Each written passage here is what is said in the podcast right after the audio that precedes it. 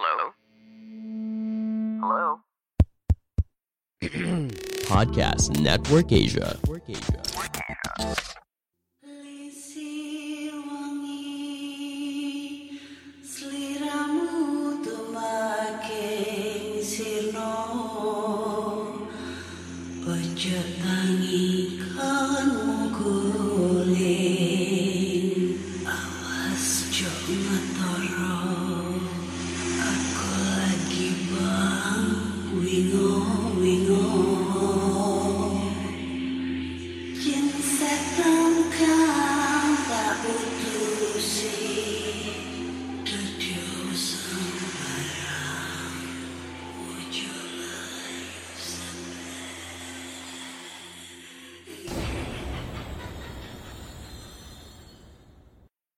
Hai Re, ya apa kabar?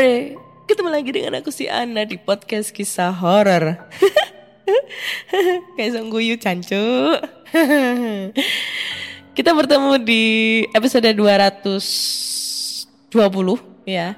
Dan di episode kali ini aku akan membacakan cerita horor ataupun email berhantu yang sudah dikirimkan teman-teman melalui podcast kisah horor at gmail.com atau di Instagram podcast kisah horor serta Google Form yang lainnya tersedia di bio Instagram podcast kisah horor.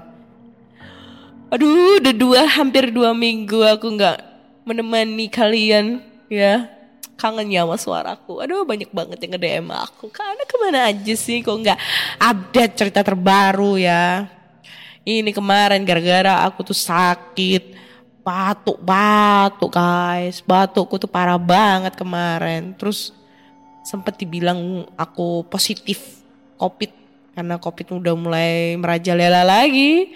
Jadinya kemarin isoman di rumah selama seminggu. Nah itu mau take batuk, take dikit batuk, aduh gak kuat jadinya. Akhirnya nunggu agak mendingan dulu. Ini udah alhamdulillah udah udah mendingan batuknya, nggak kayak kemarin parah banget. Terus udah negatif juga gitu. Alhamdulillah. Aduh, cuaca lagi ekstrim juga ya ini bikin orang pada sakit. Terus aku juga lupa nih mau nginfoin. Kemarin itu sudah terkumpul semua, dananya tuh sudah tersalurkan, barang-barang dari teman-teman juga sudah tersalurkan tuh. Cuma yang nyalurin bukan aku, tapi teman aku karena aku lagi sakit. Jadi alhamdulillah terima kasih ya buat teman-teman semuanya. Semoga berkah semuanya ya. Ini udah ditutup ya. Ban- eh, kita penggalangan dana udah ditutup. Walaupun sekarang eh, terjadi lagi nih bencana alam di Lumajang, Semeru, meletus lagi. Ya, itulah semoga eh, nggak ada bencana-bencana lagi ya. Ya ampun, mau pergantian tahun tuh suka kayak gini. Selalu ada aja bencana alam, entah gempa, longsor, ataupun eh, banjir bandang, atau mungkin eh, erupsi kayak gitu-gitu. Ya itulah pokoknya. Ha, ha, ha, aku udah bisa take podcast lagi. Oh ya, terus aku juga mau ngucapin buat teman-teman nih, terima kasih yang udah eh, ngetek di podcast kisah horor itu eh, apa? Wrap, wrap, wrapet, apa sih? Web, webrat, kampret, apa sih? Goblok banget, sumpah. Wrapet, itulah ya Spotify eh yang udah ngetek nam eh, podcast kisah horor nih bahwa kalian adalah pendengar setia podcast kisah horor. Terima kasih ya. Aduh, seneng banget tuh kalau ada yang ngetek-ngetek kayak gitu terus dibikin story gitu. Aduh, kayak berasa bahwa eh, sebenarnya itu pendengar podcast kisah horor- horor itu banyak banget gitu. Banyak yang ngangenin aku dan lain-lain. Itulah pokoknya terima kasih yang udah ngedengerin, ngedengerin podcast kisah horor selama ini. Eh di tahun 2022 ini alhamdulillah banyak banget, meningkat banget. Followers di Spotify juga udah meningkat, udah sekitar ada 30 ribu followers di Spotify. Terus juga eh, di Noise juga udah mulai banyak tuh subscribernya. Aduh, maaci loh ya. Ya pokoknya itu deh. Thank you. Jangan bosen ya ngedengerin podcast aku. Hahaha. Haha. Oke deh. Langsung aja kita masuk ke cerita horor nih. Karena udah banyak banget yang eh, merindukan suara akoh. Dan cerita pertama itu eh, datang dari siapa nih? Oke. Dari Soang. Ya, namanya Soang. Bebek, angsa. Ngeri kali namanya Soang. Judulnya adalah Kuyang. Ketemu mantan pujaan hati dalam bentuk yang lain. Hehehe. Hai Kak Ana, selamat malam. Saya pendatang baru di kisah horor ini. Kenalkan, aku Soang. Aku akan menceritakan sedikit kisah yang mungkin terdengar horor. Tapi bagi sebagian kecil orang di tempatku dianggap biasa aja kejadian seperti ini. Dianggap biasa karena terbiasa mungkin melihat hal seperti ini. Kejadian ini udah lama berlalu. Oh ya, hampir lupa. Aku tinggal di Samarinda. Malam itu aku terbangun. Kulirik jam, jarum panjang menunjukkan di angka satu dan yang pendek di angka tiga. nah, batuk lagi. Kulangkahkan kakiku menuju WC belakang. Dengan santai berjalan sendirian. Sunyi senyap kecuali suara binatang malam terdengar. Sesampainya di sana, aku langsung masuk dan ambil posisi duduk ternyaman. Menahan nafas sebentar sambil ngeden. Sem sesaat kemudian rasa lega menggerogoti perasaanku. Anjrit, PAB ini. Setelah itu, aku bersihkan diriku kemudian berdiri tanpa sengaja. Mataku melirik ke jendela. Biasanya cahaya rembulan cukup mampu membuat pandangan mata bisa melihat keluar jendela untuk melihat benda apa pun yang ada di luar sana saat bulan hampir purnama sempurna. Sekitar setengah meteran jarak dari jendela nampak jelas sepasang mata memandangiku. Kepalanya membuat cahaya bulan tidak dapat masuk ke dalam ruangan tempatku berdiri. Sekilas kecantikannya terpancar saat aku memandanginya. Kulit wajah putih pucat, mata sayu kemerahan dengan pandangan tajam ke arahku. Rambut terurai menjuntai, gigi yang putih menyeringai, ada dua taring kecil menghiasi pinggir bibirnya yang kemerahan. Di bagian bawah kepalanya terjuntai jantung, hati, paru-paru, dan organ dalam yang lainnya terlihat jelas tergantung di kepalanya, melayang tanpa tubuh manusia pada umumnya. Aku memaksa tersenyum kepadanya, kemudian keluar dari WC untuk kembali ke kamarku untuk melanjutkan tidurku. Gak ada rasa takut saat itu, cuma bulu kuduk di badan dan di belakang leher terasa berdiri semua. Wajah itu terasa tak asing bagiku. Mungkin karena itu rasa takut yang seharusnya aku alami tidak kurasakan. Oh iya, aku ingat dan eh aku ingat dah wajah itu. Karena dulu aku pernah berniat menjadikannya pacar. Aku tersadar apakah ini yang dimaksud saat aku menyatakan cinta padanya. Dan dia menolakku dengan berkata, Maaf kak, kita temenan aja. Aku gak mau kakak kecewa nantinya. Dunia kita kan berbeda kelak. Eh, dunia kita akan berbeda kelak. Sudah lama aku gak ketemu lagi dengannya. Terakhir kami saling menyapa dengan ucapan selamat saat acara wisudawan di kampus lima tahun yang lalu. Selesai. Hah? Jadi cewek gebetan lo itu kuyang gitu anjay nggak ngerasa ngeri tapi kayak lu deg-degan ya ketemu mantan tapi dalam bentuk kuyang anjay tapi kan sebenarnya kuyang itu adalah manusia yang mempunyai ilmu gitu kan. Kalau gua jadi lo ya, soang, gua bukan takut tuh, tapi gua malu. Karena si kuyang itu eh ini apa? Untung ngelihat belalai gitu kan, belalai menjuntai dan ngelihat tai yang keluar terjuntai-juntai ke dalam WC. Anjay lah. Mantannya dia jadi kuyang. Buat apa? Eh tapi seharusnya kamu tangkep deh dia. Ini kalau aku lihat Mas Wang ini eh, foto profil di emailnya itu memakai masker, memakai eh, baju-baju ala perawat gitu. Seharusnya Mas Mas Kuyang ini tangkep tuh. Eh, Mas Soang ini tangkep tuh koi ko, kuyang. Nah, susah banget ngomong kuyang. Karena organ tubuhnya itu sangat bermanfaat. Kita jual itu mahal sekali. Dengan kondisi ekonomi sekarang yang sangat melemah, kita manfaatkan itu para kuyang. Kita jual tuh hati, jantung, paru-paru, ginjal, beh. Bisa itu kita beli rumah di Pondok Indah itu. Ah, bodoh sih, Mas, O- Mas Oang. Besok kalau ketemu tangkep aja dijual, ya.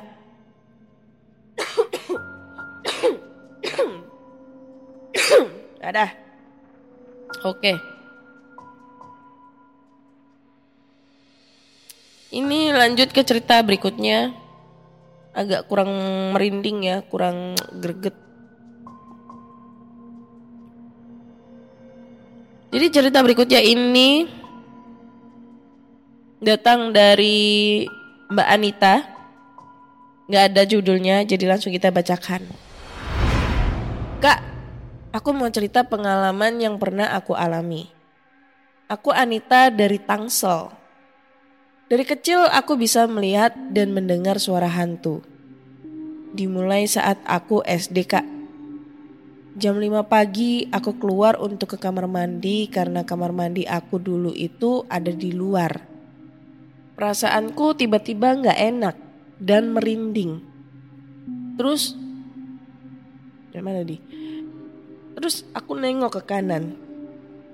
Ternyata ada sosok tinggi hitam, besar, memakai jubah warna putih, berjalan keluar dari pohon mundu mengarah ke aku.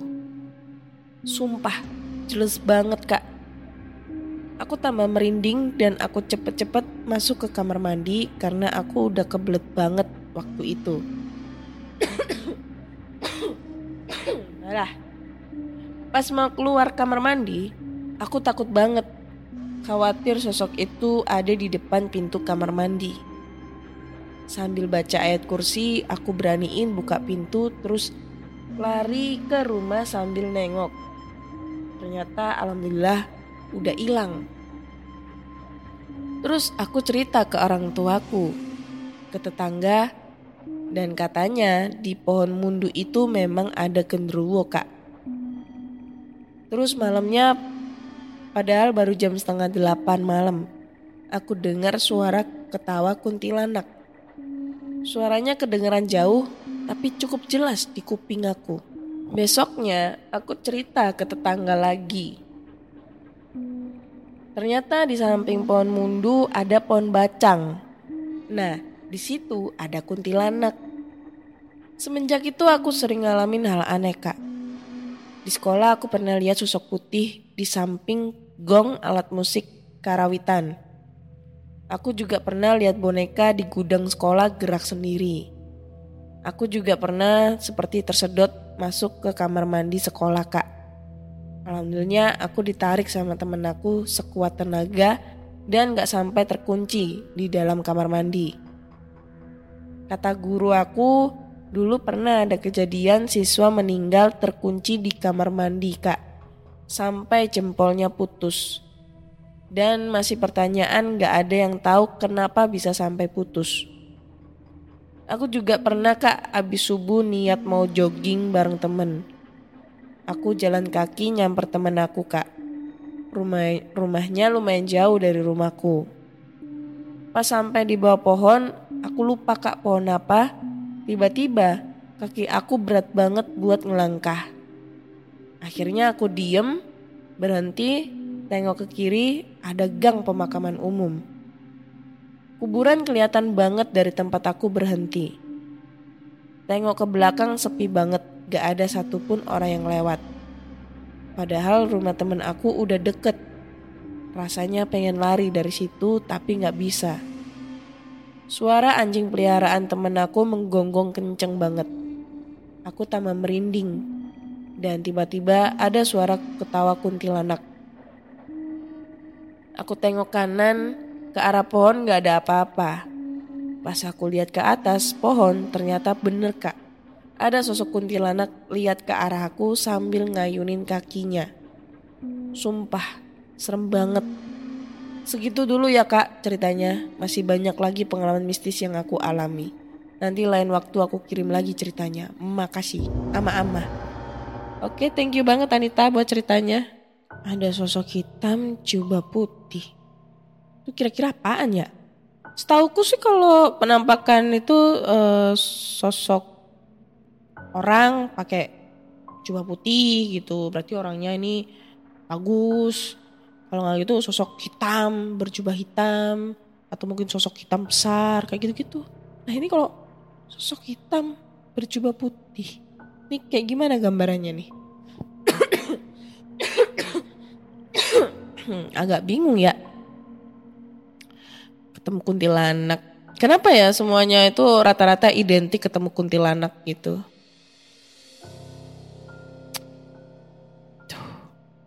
Aku mau komentar apa ya? Tidak bisa berkomentar apa-apa dengan cerita ini, tapi thank you banget dah buat Anita ceritanya. Masih 16 menit, next kita lanjut uh, cerita ke berikutnya ya, cerita ketiga nih. Wah panjang nih, panjang, panjang anjir. Oke, apa-apa kita bacain aja. Judulnya adalah Siluman ular penghuni Gunung Hejo Purwakarta. Bah, panjang nih. Oke. Assalamualaikum. Halo. Sebelumnya salam kenal. Nama saya Asep Kusmana. Saya mau cerita pengalaman horor pribadi saya di tahun 2019. Ketika ada kesurupan massal pada acara Farm Get di Villa Bandung. Lupa namanya. Patokannya sekitar satu jam dari Cimory Land, Bandung, naik bis gitu. Yang bener-bener digangguin dari abis maghrib sampai ke subuh oleh makhluk Mbak Kun. Kakek-kakek, nenek-nenek, sampai siluman ular yang minta tumbal. Sebelumnya saya ceritain dulu background story-nya. Saya karyawan baru di sebuah toko ponsel di Bekasi yang notabene-nya nggak bisa apa-apa masalah goib. Jadi baru beberapa minggu kerja dan belum kenal semua karyawan yang lain yang beda cabang. Jadi karena ada target penjualan yang tercapai, bos ngajak liburan atau family gathering ke Bandung. Nah, saya mau ngenalin beberapa nama yang ada di kisah ini. Saya sendiri Asep, teman saya si Kunyuk yang sompral, Lelen gebetan yang lagi saya deketin, Lilis yang punya ilmu turunan, Mimin yang diguna-guna cowoknya, Aldi cowoknya Mimin, Indra mantan santri, DC senior toko, dan beberapa orang lain yang juga karyawan. Mungkin total ada 10 atau belasan orang. Jadi kisah horor saya itu sebenarnya sudah dimulai ketika bis melewati jalur tol Cipularang. Pas lewat tol itu perasaan ada yang aneh. Saya terus liatin Gunung Hejo di tepi tol Cipularang. Nah, di situ si Lilis muntah-muntah. Saya kira dia itu mabok kendaraan, ternyata bukan. Skip Sampai tiba di tempat tujuan. Nah, pas udah sore jam 3 kita sampai di villa. Maaf saya lupa namanya. Tapi deskripsi saya masih hafal. Deskripsi deskripsinya itu Di pintu masuk ada parkiran mobil, tempat makan, tempat lukis, bangunan aula yang dipakai dangdutan. Ada beberapa villa kecil di sisi kanan kiri yang gak keurus. Beberapa kolam ikan, sungai kecil di sisi jalan, flying fox, dan lain-lain. Pohon bambu kuning dan lain-lain juga banyak. Semua di villa lancar-lancar saja sih sebenarnya. Dari makan sore, berenang, games, dan lain-lain. Selepas maghrib jam 18.30, kami semua berkumpul bersama karyawan dan keluarga besar si Om, bos toko, di bangunan aula untuk makan-makan, dangdutan, pesan kesan, door prize, dan lain-lain lah. Maklum, acara family gathering. Jujur saya nggak suka dangdut, jadi nggak ikutan joget dan nyanyi-nyanyi kayak yang lain. Cuma ngemil aja, mumpung makanan enak-enak dan gratis. Entah karena keganggu ama sound atau apa, rasanya risih dan gak nyaman. Saya pergi ke toilet buat cuci muka. Puyung juga, puyeng juga denger sound system berisik. Sambil bercermin, rasanya tuh perasaan gak nyaman dan gak tenang. Kayak bakal terjadi sesuatu yang besar gitu. Akhirnya acara dangdutannya sudah selesai. Waktu itu jam 9 malam. Oh ya, jarak dari aula ke bangunan vilanya itu sekitar 15 menit jalan kaki. Ngelewatin beberapa bangunan villa yang lain. Kolam ikan yang lumayan banyak, area flying fox, taman, dan lain-lain. Suasana lumayan horor lah. Pohonnya gede-gede, ada sungai kecil, itu sekitar jam 9 malam. Ketika lagi jalan itu saya tiba-tiba bilang ke teman saya si Kunyuk. Eh, Nyuk, di sini rame banget ya. Terus si Kunyuk bilang, iyalah, namanya juga family gathering. Bukan, bukan bahas orang, tapi hantu. eh, jangan aneh-aneh dah lu. Ini tempat seram, jangan bahas demit di sini. Yeh, cemen, takut lu. Bodoh ah. Yuk, taruhan, kata gua. Eh, kata gua dia, eh gimana sih? Kata gua dia bakal kesurupan. Sambil nunjuk ke temen bernama Mimin. Gila lu, stres. Jauh-jauh jauh-jauh sono lu ah. Sambil lari ke rombongan depan. Eh ditinggalin dong saya di belakang sendirian. Ya udahlah, jalan santai aja ya kan. Bentar lagi juga sampai ke vilanya. Pas mau sampai villa, ternyata di depan villa si Mimin pingsan dan lagi dipopong sama teman-teman yang lain. Eh kenapa nyuk? Mimin pingsan, kecapean dia kayaknya. Kecapean gimana? Abis makin banyak juga. Palingan dia itu kesurupan. Gila lu. Ya dikata. Bentar lagi juga dia bakal cekikikan. Percaya nggak lu? Nih ya. Satu, dua, ting. Dan si Mimin pun beneran ketawa cekikikan dong. Loh, kok tebakan gue bener? Kok bisa? Entah tahu-tahu aja serasa asal jeplak. Si kunyuk cuma bil bisa kaget sambil, lah Sep, kok beneran omongan lu? Sambil nyender di tembok, minum aqua botol sisa acara tadi ya kan? Sok keren gitu saya bilang. Ya nggak percaya sih. Di situ saya tiba-tiba ngeliat si Lilis. Alah. Dia bisa netralisir Mimin yang kesurupan dengan cara mengusap matanya Mimin. Entah mulutnya baca doa apa, auranya beda sama orang yang lain. Dia paling dominan auranya. Hah? Aura? Iya. Tiba-tiba aja bisa ngerasain mata saya ngelihat orang-orang jadi kayak penuh warna gitu. Siapa yang ketakutan, masa bodoh, punya jimat, dipelet, dan lain-lain. Entah kenapa. Tapi lumayan lah ya, ada yang kesurupan. Bisa PDKT terus sama Lelen. Nempel terus. Len, sum sampah kamu di kamar mandi ambil gih, cuci ulang, pakai sampo aja. Sekalian wastafelnya dilap pakai kain basah, terus siram ya. Paham kan sampah apaan? Ya pembalut. Loh, Aa kok tahu? Aa masuk kam- ke kamar cewek ya? Ih, malu ih. Enggak lah. Yaudah yuk, Aa temenin. Padahal saya belum ke kamar cewek sama sekali. Deskripsi vilanya depan kolam renang, ruangannya itu di lantai dua. Bawahnya dapur dan teras. Di atas kanan kamar cewek, kiri kamar cowok. Di tengahnya tangga. Depan tangga itu ruangan besarnya aula. Dan keluarga si Om ada di villa satunya sisi seberang kolam renang. Nah, pas nemenin Lele nyuci sampahnya, saya ngeliat jendela. Lah, kayak ada sosok laki-laki di bawah ngeliatin dengan tatapan sinis banget sampai mengerutkan dahi.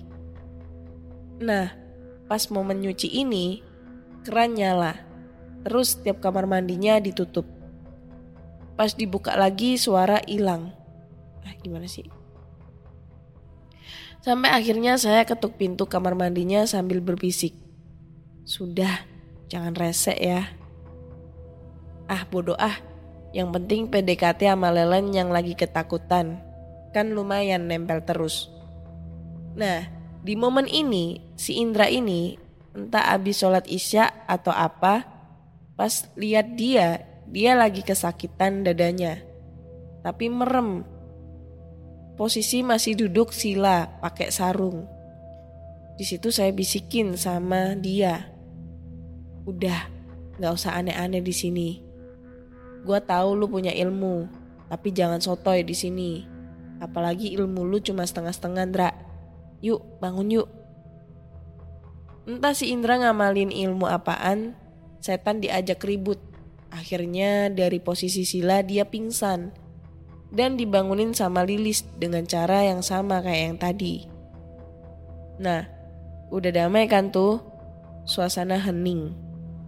Pas udah hampir jam 11 malam, si Lilis ngajak ngobrol saya di depan balkon. Ah, Lilis mau nanya, Ah asli mana? Ah orang bisa ya? Ya Bekasi. Bisa apaan? Ya masalah goib. Entah, tiba-tiba aja bisa begini. Hmm, yakin. AA tahu nggak banyak banget yang ngeliatin si Lelen. Tapi karena energi AA, dia aman. AA ngejaga dia secara nggak langsung. Wih, keren dong. Jadi pahlawan nih buat dia. Asik-asik auto jadian nih sama Lelen. Eleh, ngarep ke mana-mana. Udah ah Lilis mau tidur, titip si Lelen ya. Di jam setengah 12 malam, nah pas di momen ini saya bilang ke teman-teman yang cewek langsung tidur aja, nanti yang cowok jangan ada yang tidur sampai jam 2. Kenapa emangnya? Nggak apa-apa, jaga-jaga aja. Padahal di pikiran tuh sialan. Energi negatif makin banyak di sini.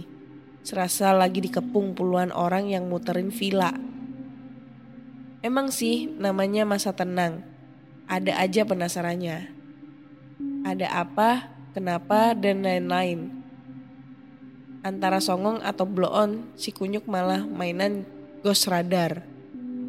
Ayo bantuin, eh gimana sih? Ayo bantuin gue Sep. Gue penasaran setan apaan yang gangguin Mimin sama Indra. Paham kan aplikasi kacangan kayak gitu? Yang radar gitu doang.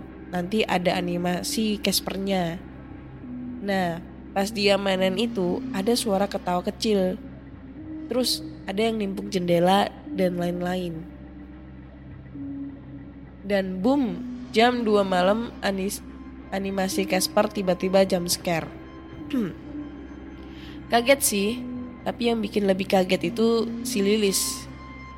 dia yang dari tadi tidur selimutan tiba-tiba ketawa.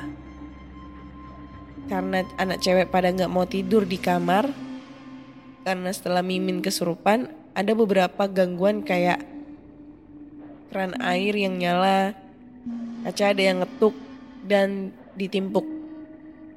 Akhirnya kumpul semua, tidur di depan kamar semua. Kasur dikeluarin semua, taruh ke ruangan depan. Eh, depan, depan. Loh, dia cekikikan. Si kunyuk ini malah matiin HP-nya langsung. Karena dia pasti sadar, karena dia mainan aneh-aneh dan langsung pura-pura tidur. Hah, nyuk, nyuk. Si Lilis ketawa. Gak tahu gua gak tahu sambil selimutan. Ya dia malah lempar batu sembunyi tangan. Dibangunin kan tuh sama yang lain, Lis. Eh gimana sih? Dibangunin kan tuh sama yang lain. Lis, Lis bangun. Pas bangun, posisi terduduk, mata merem. Eh, cicing sia berisik. Iya gies, apa sih?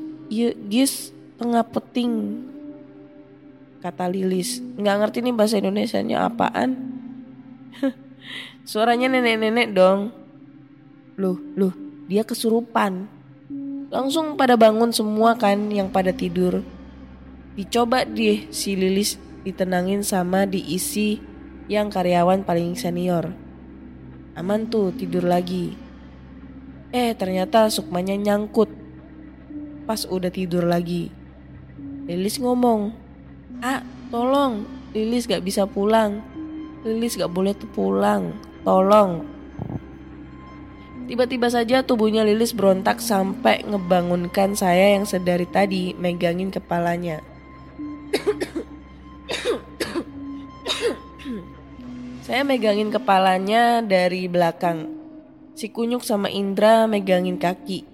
Si Lelen samping saya sambil megangin tangannya si Lilis. Sialan, makhluk apa pula ini? Energinya gede banget, negatif banget. Sosoknya kayak ratu ular.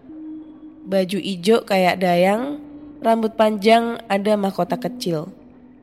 Badan dari bawah dada ada sisik kuning gitu kayak naga Dragon Ball. Panjang deh ularnya. Ya visualnya kayak badaru badarawuhi. Ada. Itulah pokoknya. Ah, kalian semua mengganggu. Kalian tidak akan selamat. Aku mau anak ini. Aku mau tumbal. Saya yang ada di belakang dia megangin kepalanya langsung neken jidatnya sampai dia dengak menghadap saya. Eh, lu pikir lu siapa? Minta-minta tumbal. Pulang sana atau gua bakar lu di sini. Si Lilis langsung nengok ke saya sambil melotot. Matanya kayak mata Orochimaru. Pupilnya runcing kagak bulat. Eh. Seketika Lilis berteriak. Si Mimin yang sedari tadi nangis ketakutan tiba-tiba gak sadarkan diri. Lalu ketawa-tawa. Disusul sama beberapa temen cewek yang lain. Begitupun Indra. Yang megangin kakinya Lilis itu dia posisi duduk sila megangin kakinya Lilis dari samping. Tapi dia sampai salto ke belakang. Lalu eh langsung kesurupan macan. Macannya Mimin juga sama, tapi bisa nahan meskipun sudah menggeram. Sialan, kesurupan masal dong ini. Gimana dong? Kepala mau pecah. Berat meskipun bisa nahan. Tapi berat banget. Entah apa ini rasanya mau kesurupan atau mau pingsan. Yang gak kesurupan cuma saya, kunyuk, diisi sama satu cowok, lupa namanya. Yang langsung disuruh pergi manggil si om di villa satunya. Akhirnya situasi nggak terkendali. Om datang ngajak pengelola villa buat men- menetralisir semua yang kesurupan. Jam 4 pagi semua disuruh turun diungsikan ke villa satunya yang beda gedung. Samping villa si Om. Yang masih melek dan gak kesurupan cuma saya sama si Kunyuk. Yang lain pada tepar dan tidur. Jam setengah lima disuruh pula kami berdua naik lagi ke atas buat ambil barang-barangnya yang ketinggalan. Beh, rasanya ba- panas banget itu villa. Padahal kipas masih nyala. Banyak mata yang ngawasin. Tapi bodoh amat lah, udah capek. Lu sih nyuk, aneh-aneh, mainan lu. Lah, lu duluan yang ngomongin Mimin bakal kesurupan. Kejadian beneran kan? Akhirnya udah pagi. Jam 9 semua packing mau pulang. Dan acara jadi pulang lebih awal yang seharusnya pulang sore. Hari yang sangat melelahkan, seru, dan bikin saya penasaran. Bertanya bertanya-tanya dalam hati kok bisa begini ya? Apa semua sudah selesai? Belum. Demitnya ngikut sampai Bekasi. Semua kesurupan masa lagi di rumah masing-masing selepas maghrib. Bahkan si Lelen digangguin Mbak Kun. Kecuali saya sama si Kunyuk. Bahkan si Lilis sampai harus ke Gunung Hejo buat ngebalikin siluman ular sialan itu. Di rumah saya sangat sem semangat karena bisa PDKT sama Lelen. Dah, eh dan coba share cerita ke kakak. Dia cuma ketawa kecil-kecil santai. Keturunan bapak mah aman semua, insya Allah katanya. Dan cerita ini berakhir kandasnya hubungan saya sama Lelen. Karena semu karena selepas semua kejadian ini mata batin saya jadi agak kebuka.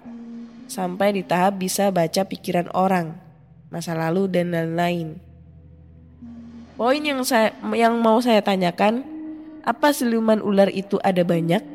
Kayaknya beda sosok sama Badarawuhi. Badarawuhi atau apa sih namanya? Pernah nonton channelnya Panji Petula, Petualang ada sosok itu pula, tapi beda auranya. Nomor WA saya 0821 bla bla bla bla bla. Ya, dia ngasih nomor WA lagi. Oke, selesai ceritanya. Gue mau ngomen apaan coba? Gue nggak tahu siluman ular kayak gimana. Yang gue tahu siluman ular itu ini cowok atau cewek yang kalau ngomong itu eh apa ya? Kalau ngomong itu kayak bukan tajam, lebih kayak aduh ngerayunya itu kayak bikin orang kelepek-kelepek. Nah itu contohnya siluman ular itu. Ya kayak gitu dah. Tapi yang gue komen ini adalah apakah cerita ini real atau cerita ini hanya fiksi belaka? Kenapa gue bisa ngomong kayak gitu? Ini sorry to say ya. Siapa namanya? Asep. Karena dari cerita ini yang lu tiba-tiba bisa ngelihat semuanya tapi dengan lu yang kayak santai terus lu ngomong ke temen lu yang namanya Indra udah lu nggak usah sosokan ngadu-ngadu ilmu di sini bla bla bla bla. Kayak lu tuh kayak apa ya kalau orang lain ya orang awam tiba-tiba dia bisa ah, bisa ngetahu semuanya itu dia pasti takut satu. Dia pasti kayak kayak apa ya kayak ngerasa bingung dan ngerasa kayak bener nggak sih? kayak gitu. Kalau lu enggak cep. Karena lu baru kan lu baru taunya itu kan baru itu. Terus kayak lu kayak seakan-akan itu kayak santai aja gitu dengan kondisi di saat itu dan kayak apa ya kayak kayak apa ya kayak gimana gitu loh. Jadi kayak gue kayak meng meng apa ya meragukan keabsahan cerita ini bahwa cerita ini adalah real. Lu coba tanya sama Kiprana Lewu deh atau Om Hao apakah siluman ular itu tidak hanya satu? Atau juga lu bisa tanya sama Nyi Blorong karena dia adalah siluman ular Nyi Blorong atau Nyi Pelet dendam Nyi Pelet itu. Kalau nggak salah Nyi Pelet itu juga berbentuk ular. Ya itulah pokoknya. Nih buat teman-teman nih yang yang tahu tentang siluman-siluman ular macam-macamnya apa aja, kalian bisa langsung aja nih jawab pertanyaannya si Asep apakah siluman ular itu bermacam-macam kalian bisa langsung aja komentar di kolom komentar di noise karena di situ yang bisa kita eh, apa ya karena di situ kalian bisa berkomentar lah. Kalau di Spotify kan belum bisa tuh. Nah itu kalian komentar tuh siluman ular itu ada berapa macam? Atau mungkin kalian googling aja siluman ular ada berapa macam? Karena gua males nge-google nge- nge-googling gitu ya. Oke, kayaknya cukup sekian dulu cerita kali ini. Kalau menurutku dari ketiga cerita ini tidak begitu greget, tidak begitu seram dan tidak membuat gua bulu kuduk merinding ya. Sorry to say buat teman-teman semua, tapi gua terima kasih banyak buat teman-teman eh, karena sudah mau meluangkan waktunya mengirim cerita, ngetik ya dan berpikir ini bagaimana ceritanya biar bisa bagus dan tidak belibet ngebacainya. Buat teman-teman semua kalau kalian pengen kirim-kirim cerita kalian bisa langsung aja kirim ceritanya ke podcast kisah horor at gmail.com atau di Instagram podcast kisah horor serta Google Form yang linknya tersedia di bio Instagram podcast kisah horor. Jangan lupa dengerin podcast kisah horor di Spotify, Google Podcast, Apple Podcast, serta di Noise. Ada juga di Pogo dan Reso. Dan jangan lupa juga follow atau kasih rating 5 nih bintang 5 untuk podcast kisah horor di Spotify. Ya. Terima kasih sudah mendengarkan podcast kisah horor. Aduh, gak kerasa ini udah mau ganti tahun. Umur juga udah makin tua dan nantikan cerita-cerita yang lebih seru ke depannya. Bye-bye.